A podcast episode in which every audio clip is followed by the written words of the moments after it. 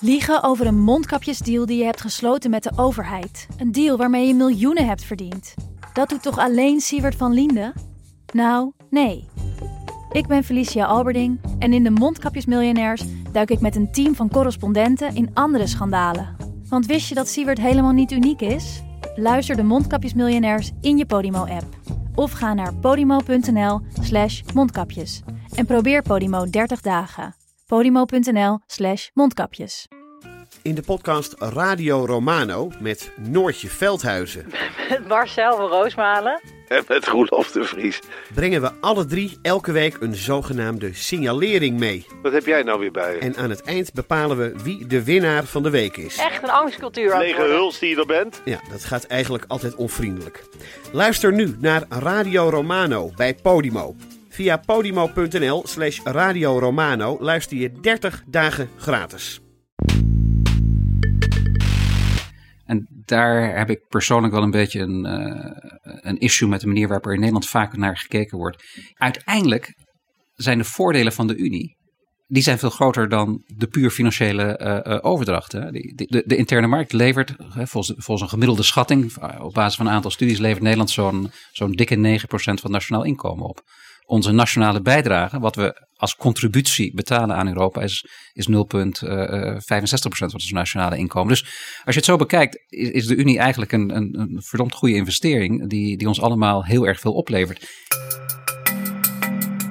Dit is Betrouwbare Bronnen met Jaap Jansen.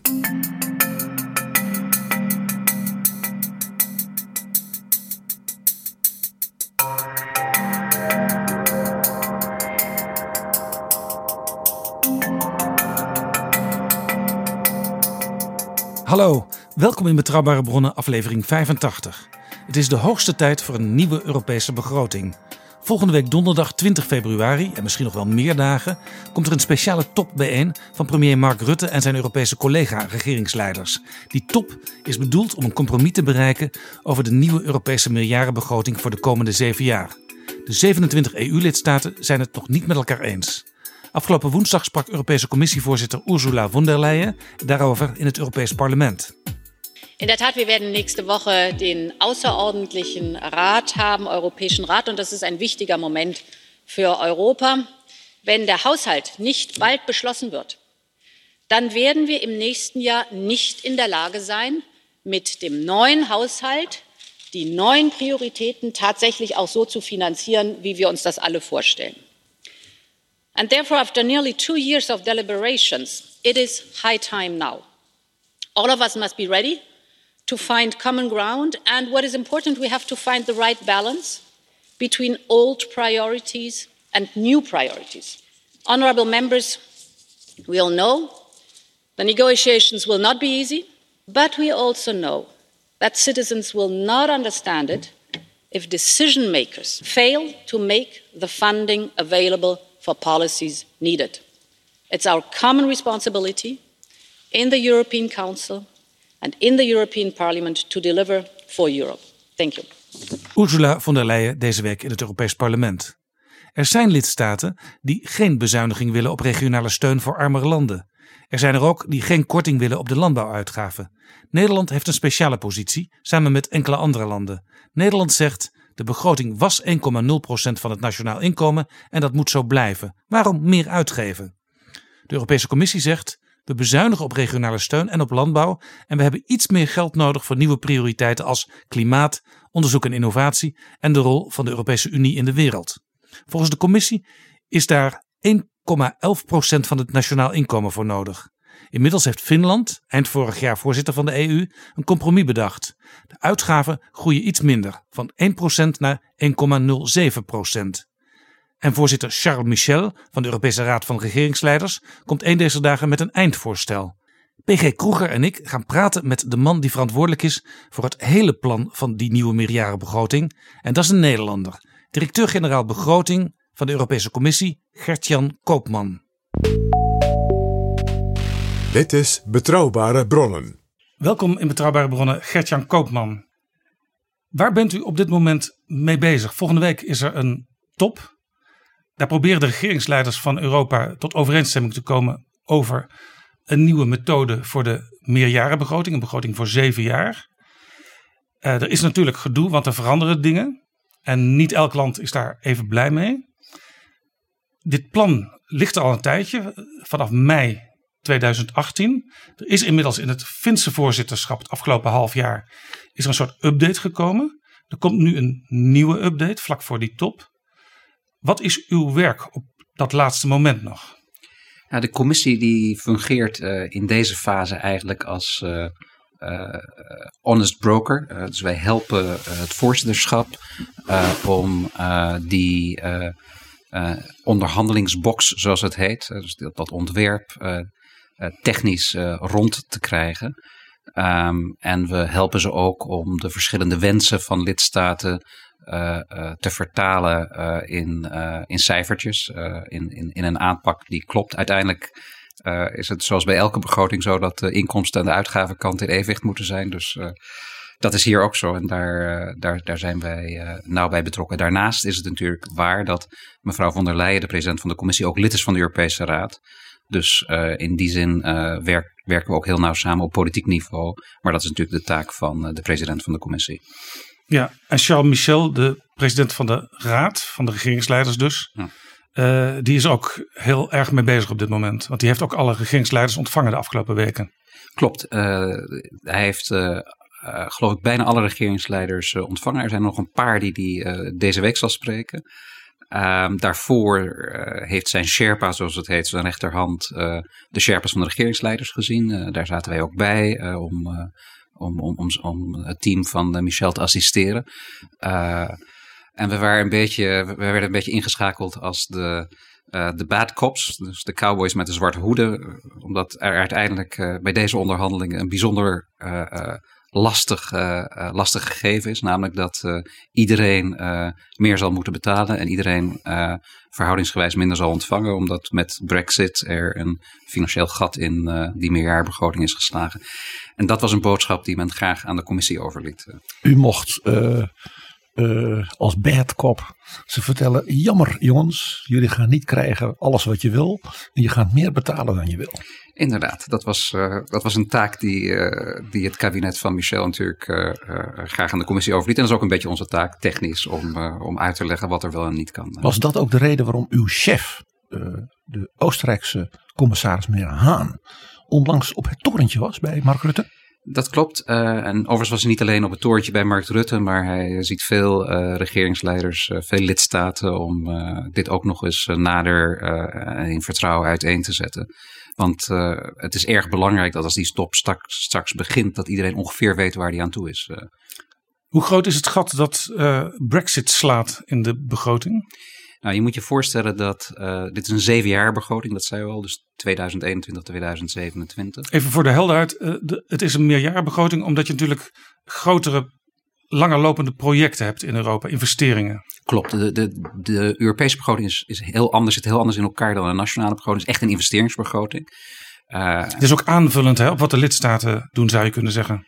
Aanvullend en ik zou zeggen complementair. Um, wat belangrijk is, is dat die uh, begroting uh, uh, vastgelegd wordt in termen van een raamwerk. En dat is dat zevenjaars kader. Dat is niet een een, een, een, begroting die ook zo zal worden uitgevoerd. Maar dat zijn de maxima die kunnen worden uitgegeven. En dat is ook weer belangrijk voor lidstaten die uiteindelijk die begroting grotendeels financieren.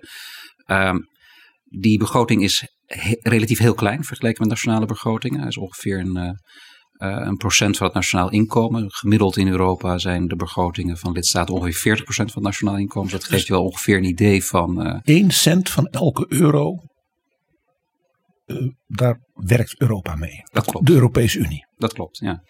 Dus dat is veel kleiner dan veel mensen, veel mensen vaak denken. Uh, maar het is wel zo dat, omdat het dus allemaal gericht wordt op investeringen, dat in lidstaten waar die middelen worden ingezet op schaal, en dat zijn vooral de armere lidstaten, die bescheiden begroting een groot deel van de publieke investeringen uitmaakt. En dus ook een belangrijke functie heeft bij het aanjagen van de economische, economische groei.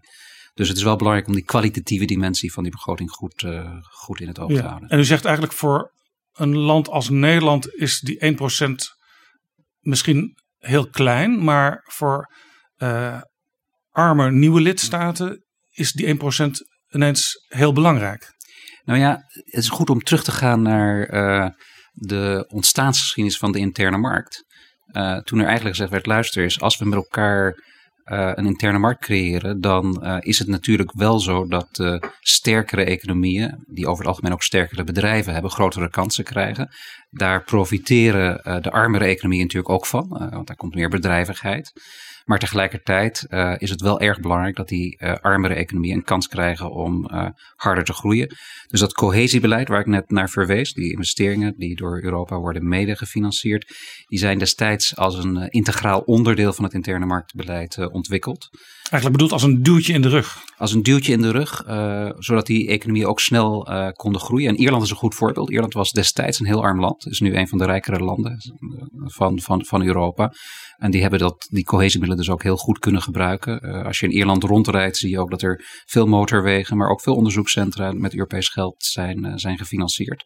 En dat geeft heel goed aan hoe cohesiebeleid in principe uh, bedoeld is om, uh, om te werken. Ja, want cohesiebeleid, daar wordt vanuit een land als Nederland wel eens wat naar gekeken van moet dat nou allemaal wel. Maar u zegt eigenlijk, uh, we kunnen voor een groot deel bewijzen dat dat beleid tot nu toe succesvol is.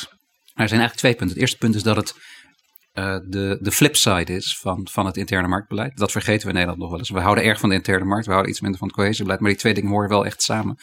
En in de tweede plaats is het zo dat in heel veel lidstaten dat cohesiebeleid ja, misschien voor de luisteraar, cohesiebeleid kunnen we misschien best vertalen als hulp aan de regio, aan armere regio's. Aan arme Van, regio's, structuurfondsen uh, die gebruikt worden. Aan regio's die nog wat achterlopen om ze te helpen. Klopt. Um, dus, dus dat, dat, is het eerste punt. Het tweede punt uh, dat ik zou willen maken is dat je uh, in de meeste landen waar dat is ingezet ook daadwerkelijk effecten ziet die heel positief zijn. er is in Oost-Europa de afgelopen jaren een, een Wirtschaftswunder aan de gang. Dat, dat, dat moeten we niet vergeten. Als je kijkt naar een land als Polen dat is in hoog tempo uh, aan het inhalen. Dat heeft natuurlijk niet alleen met het cohesiebeleid te maken, maar het cohesiebeleid is wel erg belangrijk. Als je handel wil drijven, heb je natuurlijk wel basale infrastructuur nodig om die handel te kunnen uh, uh, afwikkelen. Ja, de, de zaak is, er wordt ook altijd gezegd, als, als we weer problemen met Polen hebben, hè, over de rechtsstaat en zo. Ja. Uh, dan roepen sommige mensen, dan moeten ze er maar uit. Maar Polen zal er nooit uit willen, want het gaat gewoon dankzij Europa steeds beter met Polen. Het gaat ontzettend goed met Polen. Polen heeft een uh, werkloosheid die uh, extreem laag is. Er werken 2 miljoen mensen uit de Oekraïne in Polen om, uh, om de arbeidsmarkt overeind te houden. En de groei is boven het potentiële niveau als je het alleen zou relateren aan de beroepsbevolking. Dus wat ik hiermee wil zeggen is dat die convergentie, het idee dat die armere landen uh, zich aansluiten bij de rijkere uh, landen, de armere regio's bij de rijkere regio's. Dat werkt in heel veel gevallen heel erg goed. Werkt niet altijd. Als je naar de Mezzogiorno in Italië kijkt of, of Zuid-Italië, dan werkt het natuurlijk minder goed. En daarmee uh, zie je ook dat het cohesiebeleid in isolatie natuurlijk niet alle, alle uitdagingen aan kan. Het is een element, een belangrijk element, maar een element. Ja, en het cohesiebeleid gaat als deel van de begroting ook wat, een, een wat kleiner aandeel nemen in het voorstel dat er nu ligt. Absoluut. De commissie heeft in mei 2018, daar, daar refereerde u eerder al aan, voorgesteld om uh, uh, binnen die, die hele lastige budgettaire context met uh, Brexit, dus een kleinere basis, om het cohesiebeleid te richten op de wat armere landen en dus de volumes daarvan wat terug te brengen. daar is een ombuiging van ongeveer 10% voorzien. Uh, en dat betekent dus voor Oost-Europa gemiddeld dat er zo'n kwart van hun enveloppe, van hun, uh, van hun financiële ondersteuning afgaat. Ja, dus dat kan er wel inhakken voor sommige landen. Dat is dus voor sommige landen een grote aanpassing. Daarvan zeggen wij, luister eens, uh, kijk even naar de, de, de noden die je hebt. Als je een stuk rijker bent geworden, heb je ook minder cohesiebeleid nodig, want je bent dan een stuk dichter bij het, bij het gemiddelde. Dus geldt dus dat, dat is ook heel redelijk. Geldt dat ook bijvoorbeeld voor de huidige voorzitter Kroatië? Want dat is zo'n land dat natuurlijk een grote bloei heeft kunnen krijgen. Mede doordat men samen in Europa aan de slag ging. Klopt. Uh, Kroatië is een beetje een uitzondering. Uh, omdat Kroatië natuurlijk uh, niet zo heel erg lang geleden, en dat weten we in Nederland heel goed, door een hele moeilijke periode is gegaan met een oorlog. Dus dat heeft ook wel zo zijn sporen achtergelaten.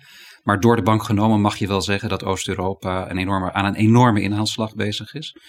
Uh, dat is natuurlijk in de eerste plaats heel erg goed voor Oost-Europa, maar het is ook heel erg goed voor Nederland uh, en, en, voor de oudere lidstaten, omdat onze handel met uh, deze landen enorm toeneemt, omdat we daarin kunnen investeren. Een land als Tsjechië is de werkplaats van Europa geworden. Ons, ons, ons, internationale bedrijfsleven investeert daar heel erg veel. En daar verdienen we natuurlijk met z'n allen heel erg goed aan. Ja. En, en het geeft, als je zegt die landen zijn minder arm. Sterker nog, ze beginnen ook rijk te worden. Klopt. Dat betekent dat er dus meer ruimte in Europa is om in te investeren in toekomstachtige dingen. Waar juist hele slimme landen als Nederland die enorm profiteren van Horizon en de European Research Council. Dus het is voor Nederland als het dubbel goed. Want die landen worden rijker en gaan meer met ons doen. Absoluut. En er is ruimte voor het rijke Nederland om nog meer investeringen te krijgen. Absoluut. Nee, en dat, dat is ook wat de commissie heeft geprobeerd te doen in het, in het voorstel. Dus enerzijds was er minder geld. Uh, dat, dat is natuurlijk lastig. Maar anderzijds wil je graag inzetten op die uh, nieuwe prioriteiten. Uh, waar de Europese toegevoegde waarde, om dat begrip maar eens te gebruiken, heel erg duidelijk is. Onderzoek is een goed voorbeeld. Uh, daar, daar, organiseren we gewoon mededinging tussen de 27 lidstaten. Dus die onderzoeksprojecten worden uitsluitend op basis van excellentie gegeven. Ja, daar doet Nederland natuurlijk, na, na de Britten die nu weg zijn, zijn wij de, de grootste winnaar van dat, dat onderzoeksspel ja. per hoofd. Om het plaatje nog even af te maken. er gaat dus meer naar onder andere onderzoek en ontwikkeling, innovatie. Ja. minder naar dat regiobeleid en ook minder naar het landbouwbeleid. Klopt. Ja. Want dat is ook altijd een punt wat je in Nederland eigenlijk al jaren hoort.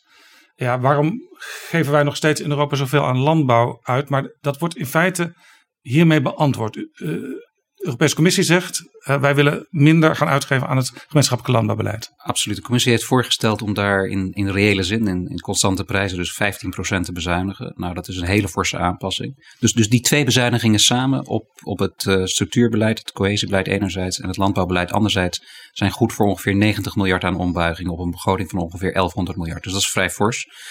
Uh, hoe zal ik dit uh, zeggen? We zijn hier niet erg populair mee geworden. Ik geloof dat er 25 lidstaten vinden dat we zijn doorgeschoten. Nederland vindt dat we te weinig doen. Uh, er moet nog meer gesneden worden. Nou, dus die ondersteunt de positie van de commissie. Die zegt: Kom op, jongens, doe er nog een schepje bovenop. Maar het Finse voorzitterschap, u, u zei het net al, die heeft een, een nieuw ontwerp voorgelegd. En daarin zijn helaas de ombuigingen op het gebied van landbouw een klein beetje teruggedraaid. Ja, ja dat is altijd lastig voor u, hè? want u, u, u hebt met uw mensen een plan bedacht. Uh, dan komt er zo'n voorzitterschap. Dat waren het afgelopen half jaar de Finnen. En die gaan dan toch weer meteen wat toegevingjes doen aan de kritiek vanuit de lidstaten. Nou ja, het is natuurlijk een onderhandeling uh, tussen de lidstaten in eerste instantie. En uiteindelijk moeten lidstaten dit ook financieren. Dus het is ook logisch dat het commissievoorstel vervolgens in die onderhandelingen uh, verder uh, ontwikkeld, evolueert. Wij hopen natuurlijk, wij denken dat we een goed voorstel hebben gemaakt. We hopen dat we daar dichtbij blijven.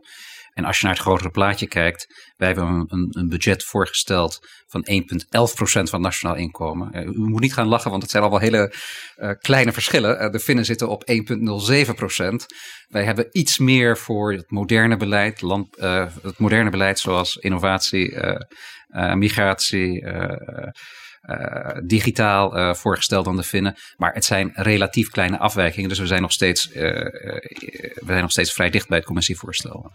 Ik kan me nog herinneren dat ik een aantal jaren geleden zelf een gesprek had met Barroso. De ja. toenmalige voorzitter. Ik zei ja, Europa gaat dus gewoon van koeien naar kennis. Ja. En toen begon hij te lachen. Zei hij, u zegt dat wel een beetje bruut. Maar eigenlijk, wat je nu ziet, is dat die trend dus wordt ingezet. Klopt. In feite structureel nou, die, op de lange termijn. Die, die, die, trend loopt al een tijdje. Als je, als je 30 jaar teruggaat, uh, dan zie je dat in die tijd uh, 70% van de begroting naar het landbouwbeleid ging. Wij hebben voorgesteld om dat op ongeveer 29% uh, vast te leggen. Dus uh, met elk nieuw kader gaat daar een, een hapje af. Nou, je ziet in Nederland ook hoe moeilijk het is voor de landbouwsector om zich aan te passen aan een internationale omgeving die natuurlijk ook heel concurrerend is.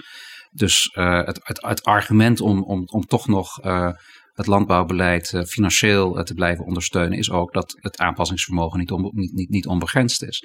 Daarnaast moeten we niet vergeten, en dat, dat hoor je in Nederland wat minder omdat onze landbouwsector anders in elkaar zit. Maar het is ook een interne markt waarvan we heel veel dingen verlangen uh, die de markt zelf niet oplevert. Dus we willen landschapsbeheer, we willen klimaatbeleid. Dat zijn allemaal dingen waar boeren uh, ook geen geld mee verdienen. Dus daar zul je iets tegenover moeten zetten. Dus al met al komt er inderdaad ruimte in die begroting. Landbouwbeleid loopt terug, structuurbeleid loopt, loopt terug. Samen nog wel goed voor 60% in deze begroting.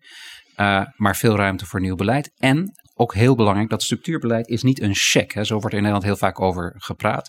Rondpompen van geld is allemaal geld ja, dat je... Wordt natuurlijk als het voorbeeld genoemd van eh, de brug in Italië die niet afgebouwd is. Nou ja, dat, dat soort voorbeelden zijn voorbeelden uit het, uh, uit het verleden. Maar wat je steeds meer ziet is dat uh, toezicht op dit beleid en conditionaliteit, zoals het heet, dus voorwaarden stellen aan, aan het besteden van de middelen, dat dat veel strenger is geworden. Dus uh, het is bijvoorbeeld zo dat we in onze voorstellen 40% van het landbouwbeleid richten op klimaatveranderingsbestrijding. En het geldt, uh, het geldt ook uh, voor het, uh, het, het cohesiebeleid, dat daar heel veel gedaan moet worden op basis van Europese aanwijzingen. Dat leidt dan vervolgens weer tot een reactie van, van de lidstaten die zeggen, ja, dat vinden we eigenlijk wel een beetje vervelend. wij, wij willen graag die wegen bouwen die, nou ja, die, die misschien niet allemaal even, even efficiënt zijn vanuit Europees oogpunt. Dus, dus daar zit een zekere spanning in. Maar ik denk dat je, als je naar de effectiviteit kijkt en je, je meet het aan economisch, e economische groei en, en uitkomsten, dat het, zoals ik al eerder zei, ontegenzeggelijk duidelijk is dat daar hele grote voordelen aan verbonden zijn. Maar als u zegt 40% van het landbouwbeleid gaat naar aanpassing aan het klimaatbeleid, ja. dan is dat eigenlijk ook een, ja, een methode om die enorme opgave die daar is. Uh, we hebben nu natuurlijk het voorstel van de European Green Deal, waar ja. uh, Frans Timmermans uh, Absoluut. heel erg mee bezig is. maar landen die daar een beetje tegenaan hikken van we moeten wel hele grote aanpassingen doen, die worden dus in feite geholpen ook door deze nieuwe begroting. En geld dat eerst naar, puur naar landbouw ging, gaat nu hiernaar. Nou, die, de, de sec, kijk, als je, als je die doelstellingen, als je klimaatneutraliteit in 2050 wil bewerkstelligen, zal de landbouwsector natuurlijk totaal hervormd moeten worden. En dat gaat niet uh, zonder uh, een inspanning en dat vergt dus kosten. En een deel van die kosten, een klein deel van die kosten zou ik zeggen, wordt, wordt, wordt voor rekening genomen door de Europese begroting. Dus al met al zit er in ons voorstel voor zo'n 300 miljard aan uh, ondersteuning van klimaatbeleid over zeven jaar. Dat is een soort twee vliegen in één klap naderen. Absoluut, absoluut. Ja. We, we, willen heel erg veel van die, van die ene procent. Uh, uh, uh, maar het is wel erg belangrijk, want dat is natuurlijk ook een beetje de Europese toegevoegde waarde waar ik het eerder over had. het is niet een, een, een, een cheque die, die, die je schrijft waar je mee kan doen wat je wilt. je moet het gebruiken voor dingen die we in Europa met elkaar afspreken, zoals klimaatneutraliteit in 2050. Nog even voor het begrip. Um, dit voorstel komt al uit mei 2018. Toen was er nog de commissie onder leiding van Juncker. Ja. Nu hebben we de commissie von der Leyen. Ja. Die hebben ook allerlei uh, nieuwe ambities. Ja. Moet je dan zo'n plan ook nog fors aanpassen als zo'n nieuwe commissie aantreedt? Nou, de, de, mevrouw van der Leyen heeft uh, gezegd dat ze de strategische agenda, dus de politieke doelstellingen voor de komende uh, vijf jaar, uh, die overigens door de lidstaten worden gedefinieerd en die ze heeft uitgewerkt in haar werkprogramma. Dat de geopolitieke commissie. Uh, geopolitieke commissie, dat ze die doelstellingen, doelstellingen grotendeels met het oude voorstel kan, kan, kan bereiken. Maar ze heeft daar één belangrijke kop op gezet. En dat is wat in het Engels het Just Transition Mechanism heet. Vreselijk woord misschien, maar waar het om gaat is eigenlijk om de sociale consequenties van klimaatbeleid te ondervangen en het mogelijk te maken voor maatschappijen en voor burgers uh, in, in gebieden waar er een enorme uh, afhankelijkheid is van uh, ver, verontreinigende industrie en activiteit om, om die aanpassing te maken. Kolenmijnen in Silesië. Kolenmijnen in Silesië. Bruut te zeggen. Oh, dat is een goed voorbeeld. Ja. Macedonië is een goed voorbeeld waar ze nog, nog, nog met bruinkool werken. Kijk, als je, als je klimaatneutraal Oostelijke deelstaat in Duitsland ook. Oostelijke deelstaat in Duitsland. Als je, als je daar iets aan wil doen, zul je, zul je de armere lidstaten uh, vooral daar, daar, daar echt mee moeten helpen. En, en, en daar heeft ze dus een, uh, een, een voorstel voor uh, gemaakt. En dat is nieuw. Dat zit ook in de plannen van Michel, als ik het goed begrepen heb. Maar voor de rest, omdat de middelen zo beperkt zijn, we, we, moeten roeien met de riemen die we hebben, wil ze het doen met het voorstel van de vorige commissie. Ja, u zegt plannen van Michel er komt heel snel, binnen enkele dagen wordt dat verwacht, een, een nieuw plan eh, van Charles Michel eh, voor de Raad van volgende week. Ja. Uh, u zegt, als ik het goed begrijp, maar betekent dat dat u niet al die papieren al gezien heeft? En we werken natuurlijk, zoals ik zei, nauw samen om, om, om het team van Michel te ondersteunen met hun, uh, met hun analyses. Uh, maar uiteraard is het aan de president van de Europese Raad om te beslissen wat hij, uh, wat hij voorstelt. Dat is niet onze, ja. niet, niet onze taak. En hij kan waarschijnlijk ook een beetje schuiven met de verschillende varianten die u op papier heeft absoluut, gezet. Absoluut. Ja. Nog even een vraag over de Brexit, want uh, die slaat dus een gat in de begroting. Ja. Nou, zijn er ook landen die redeneren van ja, de Britten gaan eruit. logisch dat de begroting dan kleiner wordt. Nou ja, de commissie heeft dat ook uh, uh, in zekere zin uh, omarmd. Hè.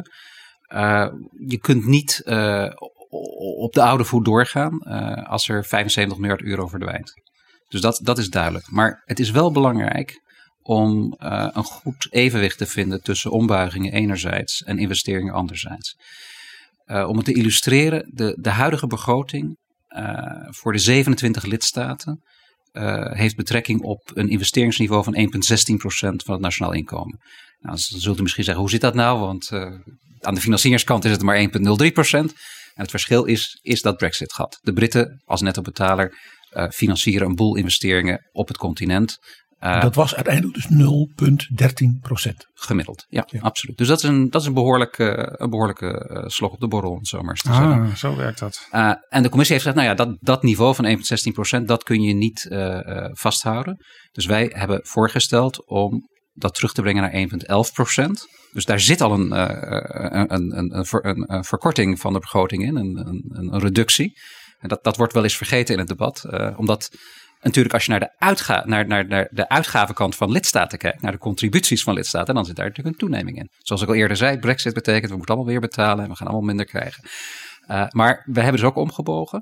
Uh, en dan zijn er verschillende lidstaten die willen nog meer ombuigen. Maar er zijn andere lidstaten die zeggen, luister, wat een onzin. Uh, we moeten ook als 27 in Europa doorpakken. Het ambitieniveau moet niet omlaag, het ambitieniveau moet omhoog. En dus moet er gewoon meer geld bij. En daar, daar zit de spanning in de onderhandelingen. En dan krijg je dus more bang for a buck discussies. Absoluut. Dus, dus dat is de discussie over de Europese toegevoegde waarde. U, u had het net over van boeren naar brains, was, het, was dat het niet? Uh, koeien naar kennis. Van koeien naar kennis, kijk eens aan. Uh, sorry, van boeren naar brains, dat klinkt natuurlijk helemaal verkeerd. Ja. Uh, zo bedoel ik het ook niet. Maar van koeien naar kennis dus, dus je krijgt inderdaad in die begroting een grote, uh, een grote aanpassing. Uh, uh, en dat maakt de onderhandeling dus ook heel erg ingewikkeld. En per lidstaat werkt natuurlijk de impact van die investeringen enorm verschillend uit.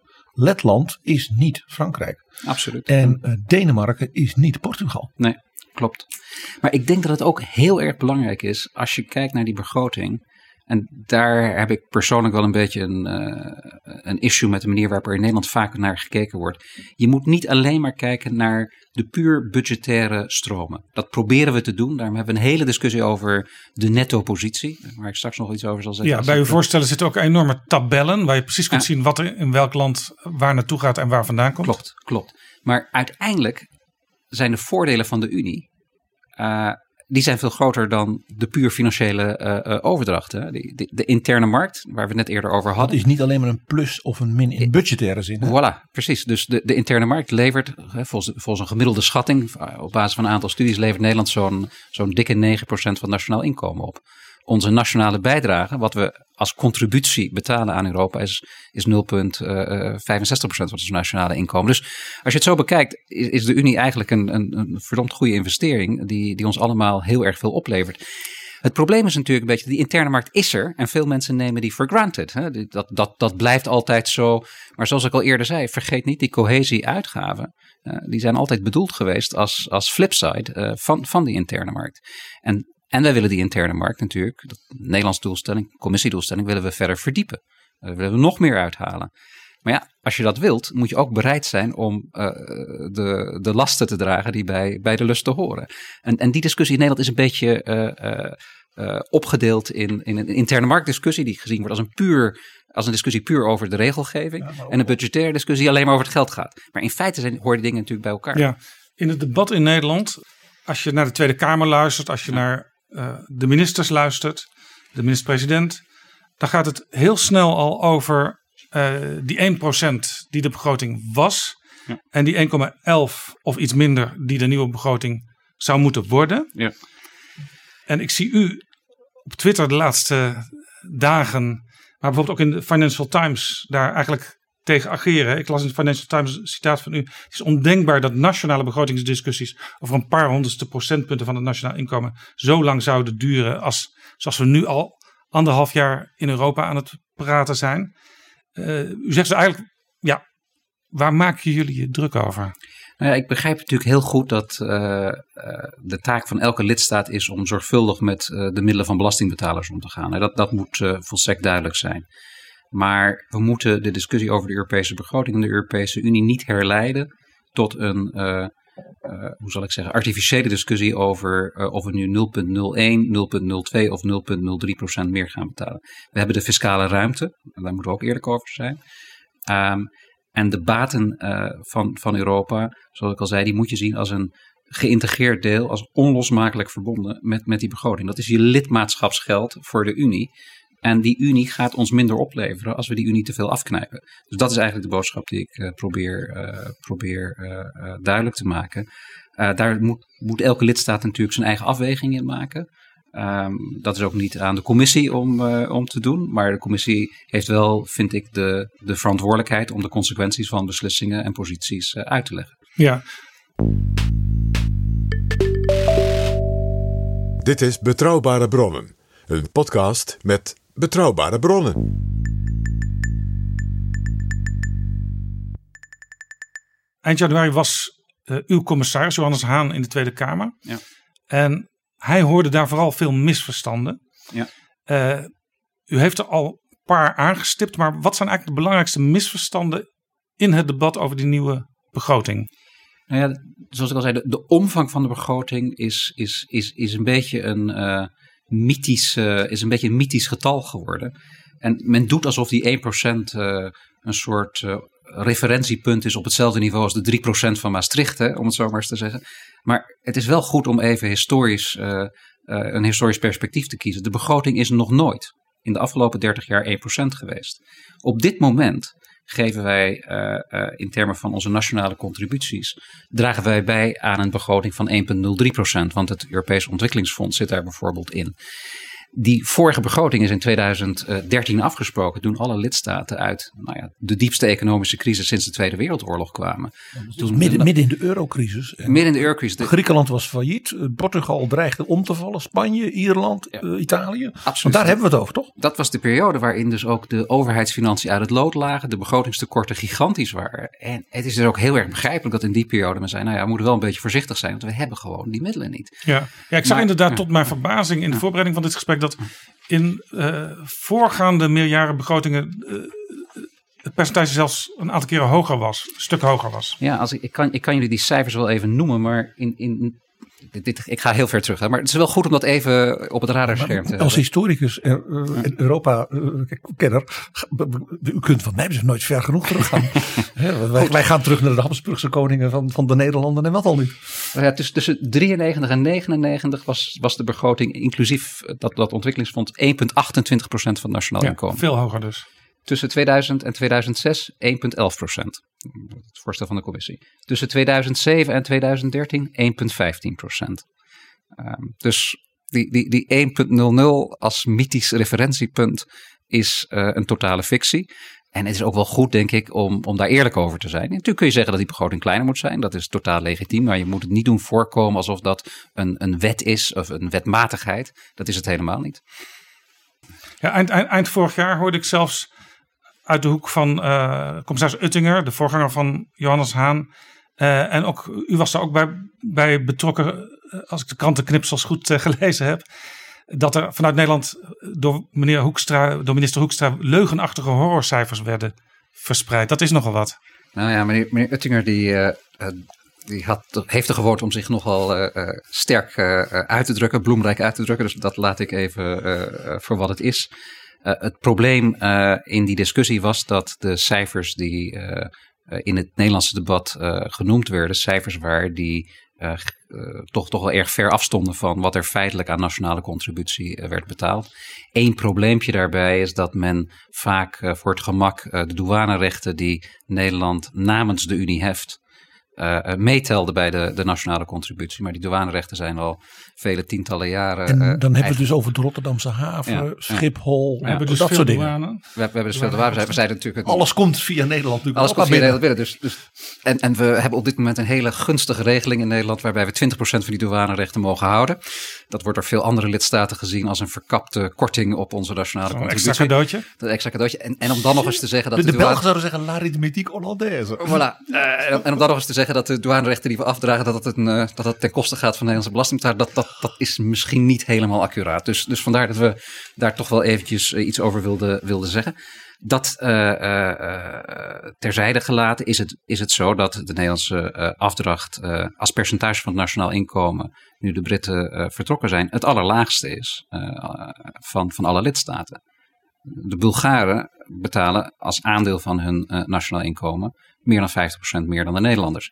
Dus daar, het lidmaatschapsgeld, zoals ja, dat noemen. Ja, de contributie, ja. Dus, en dat komt omdat we in Nederland, en dat dat is de verdienste, uh, als je het zo mag uh, noemen, van Geert Salm. We hebben een hele grote korting bedongen. En dat betekent dat onze nationale bijdrage heel, heel klein is. En in de voorstellen van de commissie wordt die korting uitgefaseerd. En het effect daarvan is. Die verdwijnt dus op termijn? Geleidelijk, volgens de voorstellen van de commissie. Dat vindt Nederland ook niet fijn? Dat vindt Nederland niet fijn. En dat leidt ertoe, en dat, daar ging het debat natuurlijk een beetje over. En dat is ook helemaal terecht. Dat leidt ertoe dat de, de nationale contributie sterk stijgt. Maar het, dat is een, voor een groot deel een statistisch effect. Omdat als je erg laag zit uh, uh, en je, je haalt er iets uit dat andere mensen niet hebben, dan, dan is de stijging natuurlijk uh, groot. Ja, en u kijkt natuurlijk vanuit Brussel naar een soort even-handed policy voor alle lidstaten. En dan komt Nederland er tot nu toe heel erg voordelig uit. Ja, zoals ik al zei, de, de, de Nederlandse contributie is, is de kleinste als percentage van het nationaal inkomen van alle lidstaten. Dat, dat wil men in Den Haag niet zo graag horen, maar het is een feit. En dan hebben we natuurlijk al heel snel een discussie over de netto-bijdrage. Dan zegt men van ja, maar we krijgen zo weinig terug uit die begroting.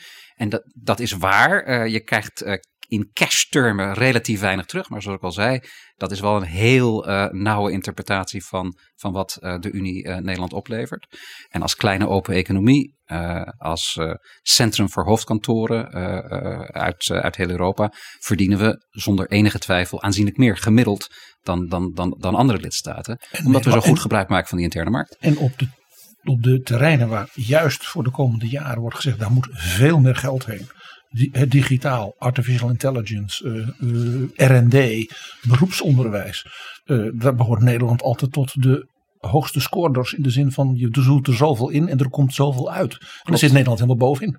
Klopt, en de, de zorg die wij een beetje hebben, dat is heel paradoxaal, is dat als je, die, als je de omvang van de begroting te veel zou terugbrengen, dan zul je zien dat dat nu juist de terreinen zijn waar gesneden gaat worden. De dingen waar Nederland het meest van profiteert, daar zou dan het het eerste wat vanaf gaan. Absoluut. Dat is, dat is ook vorige keer gebeurd. En ik, ik vrees in de discussies, dat zie je nu al als je de, het commissievoorstel ver, vergelijkt met, die, met dat Finse voorstel waar u het eerder over had. Dan zie je inderdaad dat daar dat die, die uh, verkleining van de begroting voornamelijk uh, plaatsvindt op terreinen waar, waar, waarvan Nederland zegt, nou dat zijn eigenlijk onze prioriteiten. En waarvan de commissie ook zegt, dat zijn onze prioriteiten. Dus dat is een beetje jammer. Als je, als je te veel uh, daar op drukt, op die omvang, dan, dan, ja, dan maak, je, maak je het jezelf lastig. en je zorgt ervoor dat Europa minder modern beleid heeft. Ja, mij staat nog bij de, de reden van minister Wopke Hoekstra aan de Humboldt Universiteit in Berlijn in mei vorig jaar. Ja.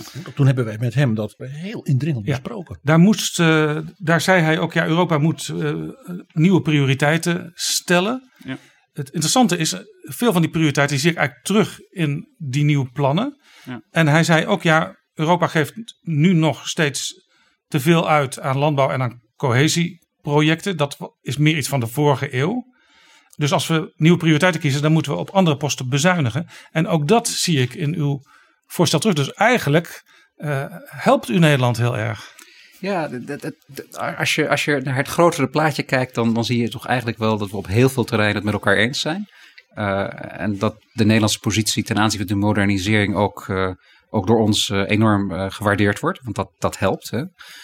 Um, Echter, uh, er is een discussie uh, over de snelheid waarmee je kunt aanpassen. Ik heb al eerder gezegd, wij, wij, wij bezuinigen ongeveer 90 miljard. Nou ja, dat vindt Nederland te weinig. Uh, maar Nederland is niet de enige lidstaat. En nou ja, er zijn ongeveer 24 lidstaten die vinden dat er te veel bezuinigd wordt. Dus, dus ja, en als, als dan de reactie is, nou ja, dan moet het maar dan moet er maar uh, geknepen worden in de begroting in het algemeen. Dan, dan heb je dat effect waar we het net over hadden, dat je onderzoek en ontwikkeling en andere posten gaat, gaat korten. Ik kan me herinneren dat Hoekstra ook in het gesprek met ons, ook als het ware een element van zijn speech bij de Humboldt Universiteit nogal onderstreept. Dat hij zei, ja, kijk nou naar investeringen in artificial intelligence, bioscience, dingen waar ook een land als Nederland ja, graag in voorop loopt in de wereld en dat ook terecht doet. Hm. Hij zegt, nou ja, China, Amerika vergeven, vergeven daarvoor investeren een factor 3 tot 4 meer dan we als Europees doen. En we zullen dus moeten inhalen. Dat was, hij zei, ja, die boodschap ga ik de Duitsers wel vertellen. Ja. Eh, dat wij als ja, land dat voorop loopt, eh, op dat punt gewoon eigenlijk hele hoge eisen ook aan onszelf en aan elkaar in Europa moeten stellen. Vond ik wel opmerkelijk. In het licht ook weer van Ja. dat je het, als je dan eh, eh, ja, investeert eh, met Horizon Europe en dergelijke, dat je zegt van ja, daar zit precies de plus voor Absoluut. Europa en dus ook voor Nederland. Ik neem aan dat u, als u met Nederlandse ambtenaren, met Nederlandse bestuurders, politici praat, dat u dit soort dingen ook tegen hun zegt. Absoluut. Nee, En dan zeggen ze dan, daar hadden we nog niet aan gedacht. Nee, ik denk, ik denk dat er een, zekere spanning zit in, in de Nederlandse positie. Enerzijds zijn we het volledig eens over de prioriteiten.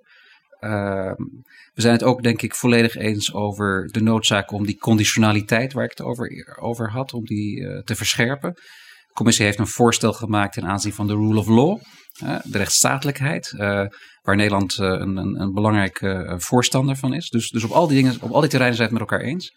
Maar daar hoort een prijskaartje bij. En ja, dat prijskaartje wil Nederland op dit moment eh, in ieder geval eh, nog, nog niet betalen, niet betalen.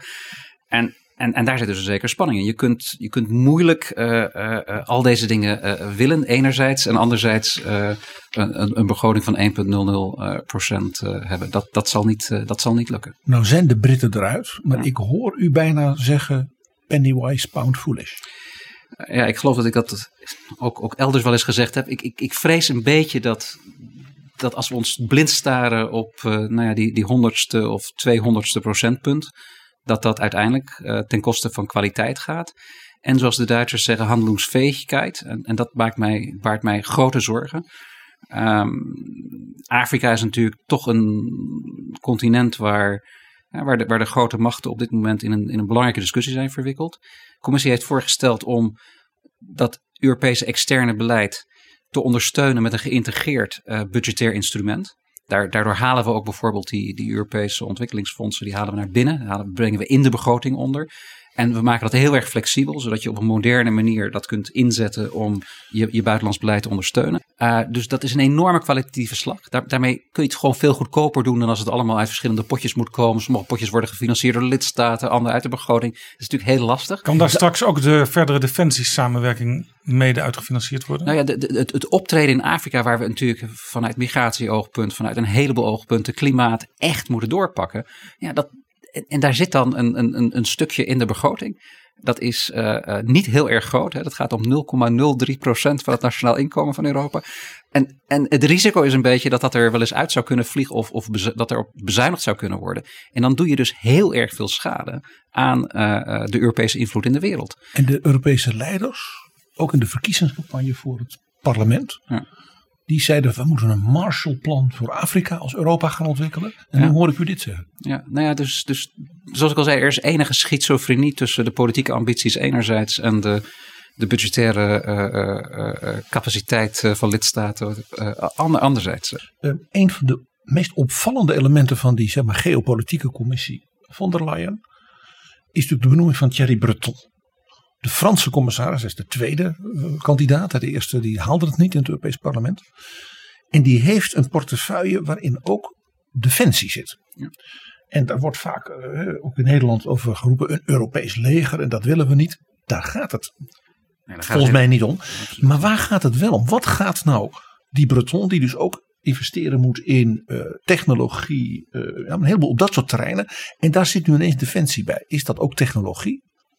Kunt u daar iets over vertellen? Ja. Dat is een nieuw element. Ja, nee, dat is heel belangrijk. Dus die, het heeft niets te maken met een Europees leger. Waar het, waar het hier om gaat is militair technologie. Uh, daar lopen wij in Europa vanwege het feit dat het allemaal zo versnipperd is enorm achter. Het is ook heel duur. We hebben gewoon niet de schaal uh, in, in de vele lidstaten. Dus het, het, idee is hier. Elk land zijn eigen vliegdekschip. Hè? Ja. Nou ja, ja. dat we. dat, dat, dat wordt dan heel duur. Zijn ja, precies, dat wordt dan heel duur. Ja. wordt, wordt wel heel erg duur, ja. Dus, dus het, het, idee is hier om uh, gemeenschappelijk uh, technologie te ontwikkelen die belangrijk is voor defensie. Dat, daar zit een kostenaspect aan, maar zit ook een, een, een dat is ook een kwestie van strategische autonomie. En dat is natuurlijk ook wel heel erg belangrijk. Hè? De wereld is natuurlijk toch wel heel erg veranderd. Galileo is ook zo'n zo'n voorbeeld. Ik herinner me toen we daar 15, 20 jaar geleden mee begonnen. Was, dat strategische auto, was die strategische autonomie een, een element dat in de discussies vaak een beetje werd weggelachen. Ja, wij moesten het doen met de GPS vanuit Amerika. Ja, de GPS vanuit Amerika was toch prima. En het, die deed het toch. Hè? Die deed het toch. En het idee dat de Amerikanen dat ooit zouden kunnen afschakelen of de, de hoe zal ik zeggen, de granulariteit zouden kunnen beperken, dat werd, werd als belachelijk beschouwd. Maar ik denk dat daar inmiddels uh, in, in, de, in de wereld van Trump heel anders over gedacht wordt. Dus die, auto, die strategische autonomie van Europa op dit soort kerngebieden uh, uh, is toch wel heel erg belangrijk. Supercomputing is een ander voorbeeld. Digitaal is een ander voorbeeld. Ja, als we eerlijk zijn. De ruimtevaart raakt hier natuurlijk beide elementen. Ruimtevaart in space is ontzettend belangrijk.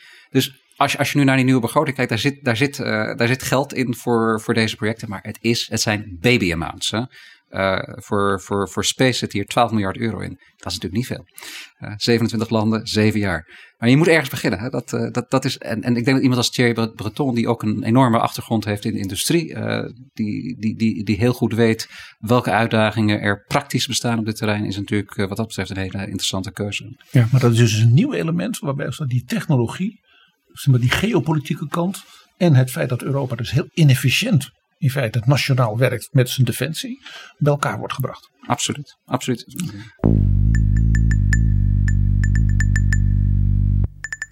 Dit is Betrouwbare Bronnen. Nou moet die nieuwe meerjaarbegroting uh, per 1 januari 2021 ingaan. Zeven jaar geleden werd er heel lang doorvergaderd en toen ging de termijn ging eigenlijk met vertraging van start. Dat wil nu natuurlijk niemand. Vandaar dus ook die top, donderdag de 20ste, om te kijken of de landen, de lidstaten eruit kunnen komen. Maar er zijn, er zijn landen, Nederland doet moeilijk, maar een land als Oostenrijk bijvoorbeeld heeft al gezegd: wij, gaan misschien wel onze, ons veto uitspreken. Dat helpt allemaal niet. Nou, voor een deel is dit uh, denk ik ook uh, wapengekletter uh, voor de onderhandelingen. als je goed kijkt naar wat de Oostenrijkers gezegd hebben, hebben ze gezegd dat ze een veto gaan uitspreken over het commissievoorstel.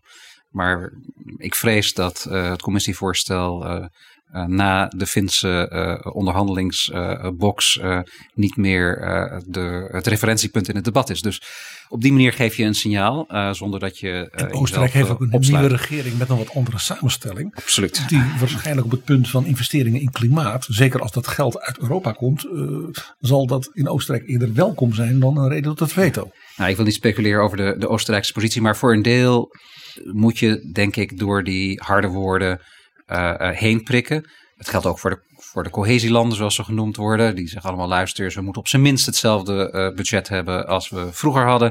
Ja, we hebben het net over gehad. Dat kan natuurlijk niet. Daar, daar is gewoon geen ruimte voor in de begroting. Dus iedereen het probeert. zijn landen als Polen, Hongarije. Ja.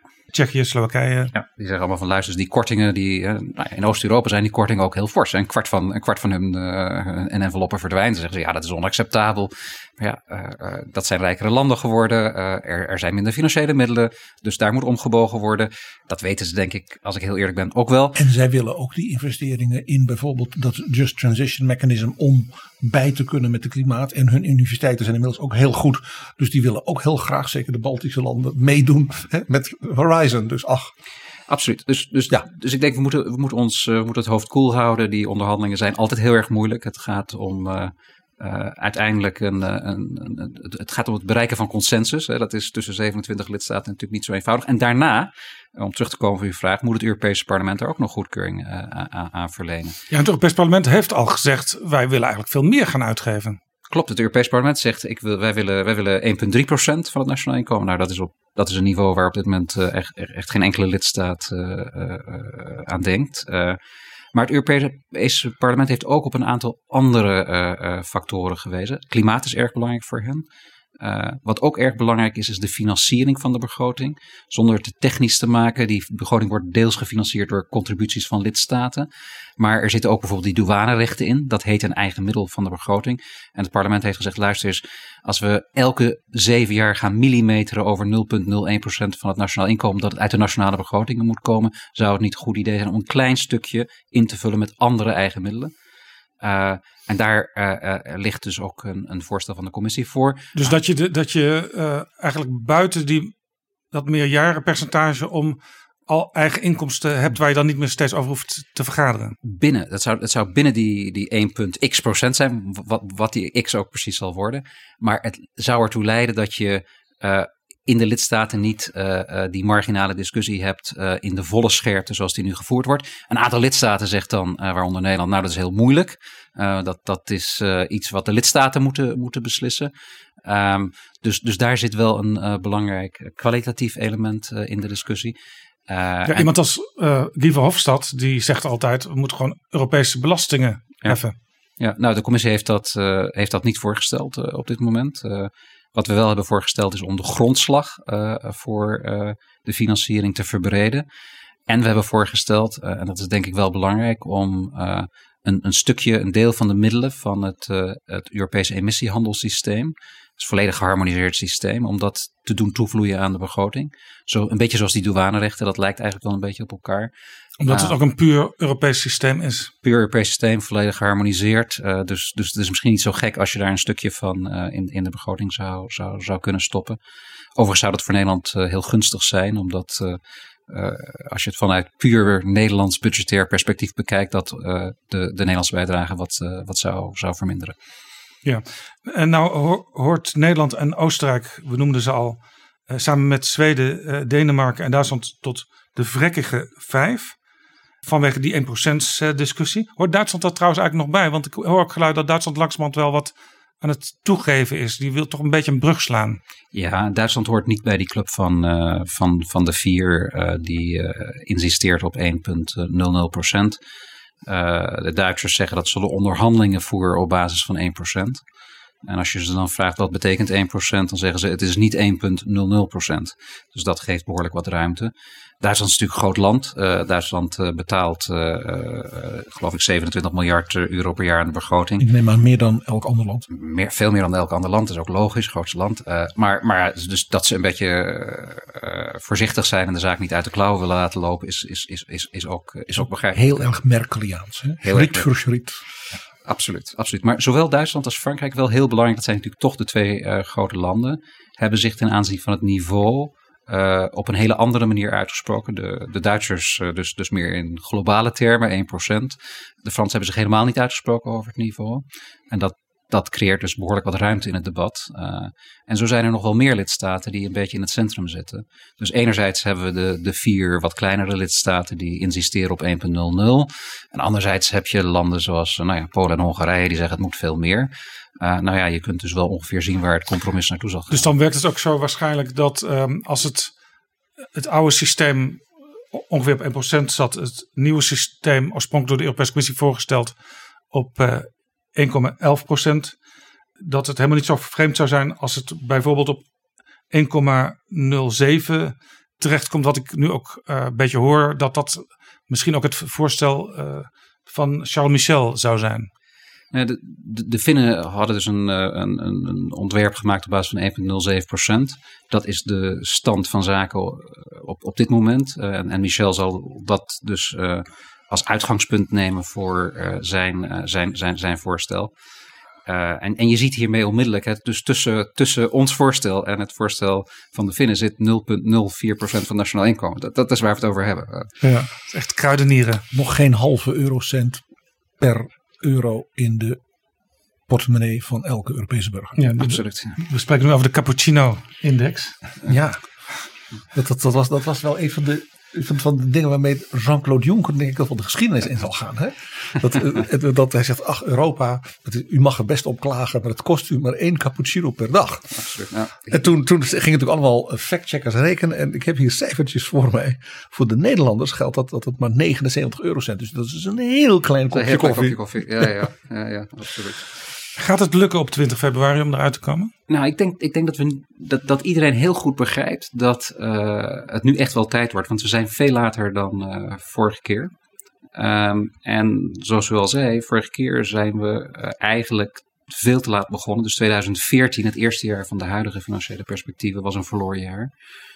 Dat betekent in de praktijk ook dat er dan bepaalde uitgaven niet gedaan kunnen worden. Ja, dat ze te laat starten, dus dat uh, we op heel veel terreinen uh, vertragingen oplopen. Ja, dat organisaties gewoon moeten wachten op geld. Ja, dat, dat is, een, uh, dat is een, een, een, risico. Maar wat nog veel belangrijker is, denk ik, voor de geopolitieke commissie en meer in het algemeen voor Europa.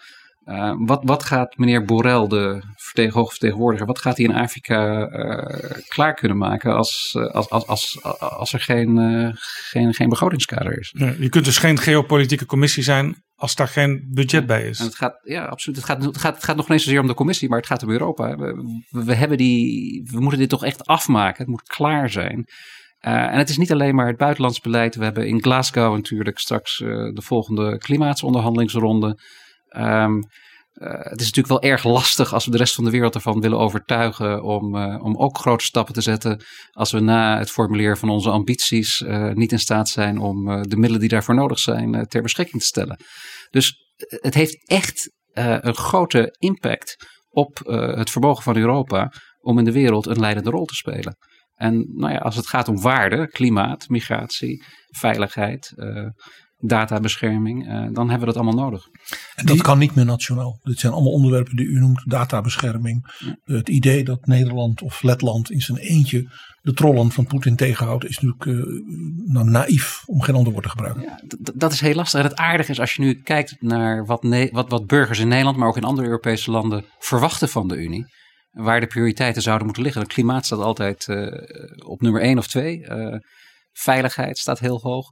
Dat zijn dus allemaal die, die nieuwe prioriteiten waar we het over hebben. Dus eigenlijk heb ik de indruk uh, dat, dat we proberen te doen wat de burgers ook willen.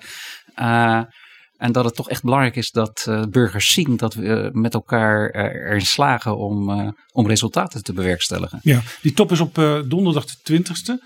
Ik hoor het verhaal dat rekening mee wordt gehouden dat misschien ook wel de vrijdag, de zaterdag, de zondag nodig zullen zijn. Dus dat het een hele lange top zou kunnen worden. Eh, dat is inderdaad het gerucht dat, uh, dat de ronde doet. Uh, en, uh, dus dat, dat betekent een hoop biechtstoelprocedures? Dat zou heel goed kunnen.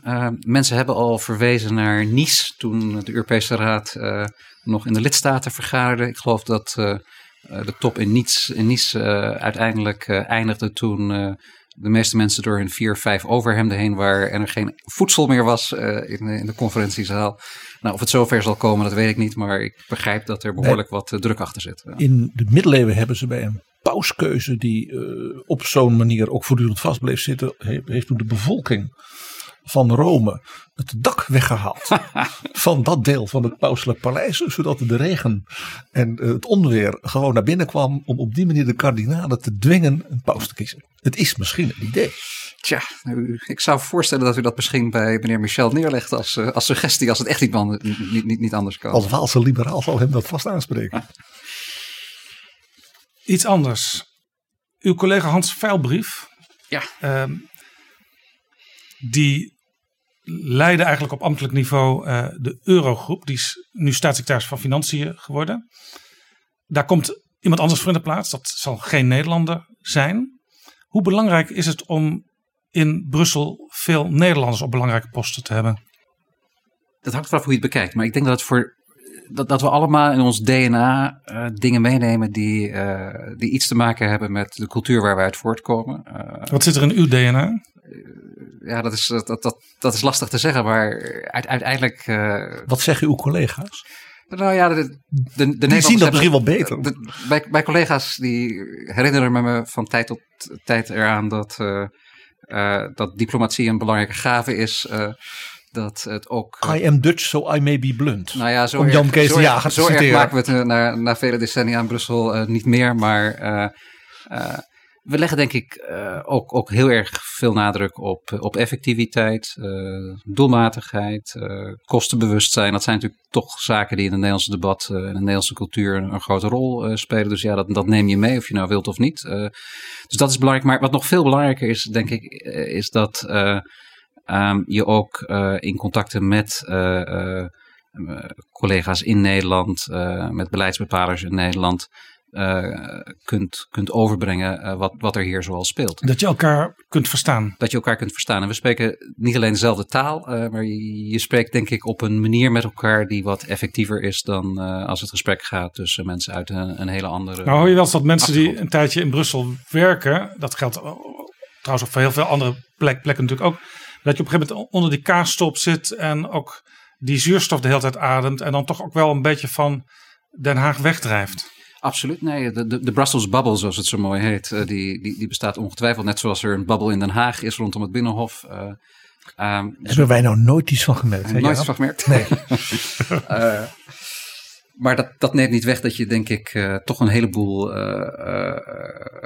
essentiële kenmerken en, en attitudes houdt die, die, die, het, die het gesprek aanzienlijk vergemakkelijken. Dus, de, de, de, de, zeg maar, de traditie in Nederland van het polderen. Ja. Is dat niet iets wat je als Nederlander als het ware in die Europese gesprekken nuttig kunt inbrengen?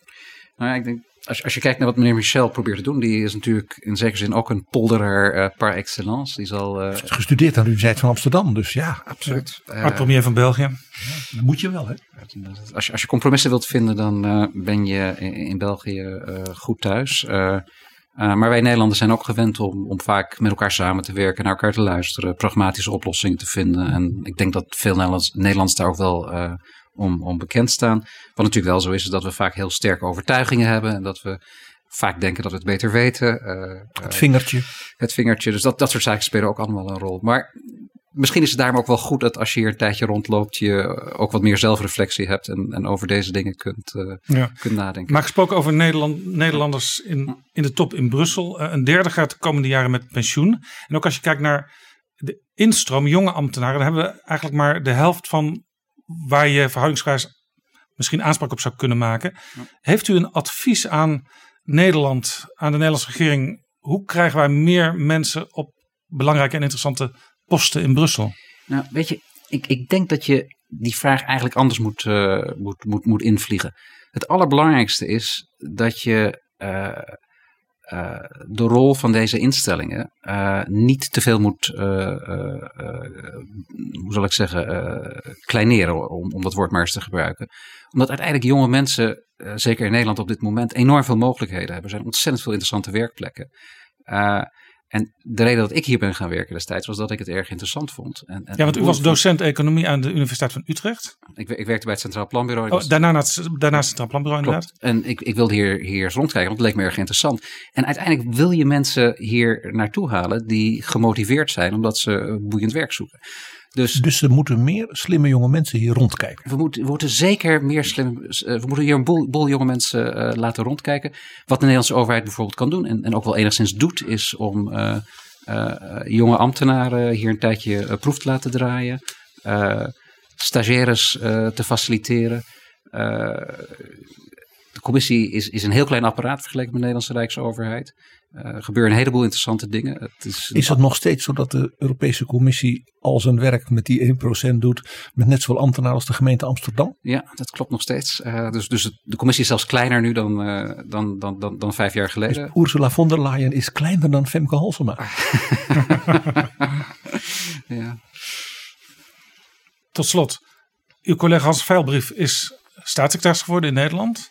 Uw voorganger uh, in deze baan, Nadia Calvino, werd minister van Economische Zaken in Spanje. Klopt. Ja. Zien we u nog een keertje op het Binnenhof terug in de Trevenzaal? Nou, dat, dat lijkt me onwaarschijnlijk. Ik, voorlopig heb ik hier nog heel erg veel te doen en heb ik het erg naar mijn zin. Dus uh, uh, dat, uh, dat is denk ik de komende jaren toch wel waar we, waar we voor getekend hebben. Ik ben hier nog niet zo erg lang begonnen, dus ik wil deze klus graag afmaken. Klinkt een beetje als een politiek antwoord. Helemaal onwaarschijnlijk? Het, het, lijkt me onwaarschijnlijk. Ik heb geen politieke ambities in, in, in, Nederland en ook weinig politieke contacten. Dus wat dat betreft lijkt me dat niet iets waar, waar jullie op mogen rekenen. Dan wil ik u in ieder geval hartelijk danken voor dit eerste contact tussen ons. Dank u wel voor uh, dit mooie gesprek. Het was uh, zeer de moeite waard. Heel erg veel dank. Merci.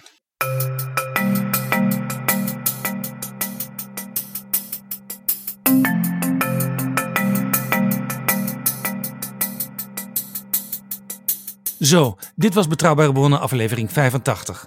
Deze aflevering is mede mogelijk gemaakt door de Europese Commissie en door We Nederland. Overweegt u betrouwbare bronnen te sponsoren of in deze podcast te adverteren? Stuur dan een mailtje aan Flip Kilian Adams. Dat is flipapenstaartdagennacht.nl. Tot de volgende keer. Betrouwbare bronnen wordt gemaakt door Jaap Jansen in samenwerking met dag en nacht.nl.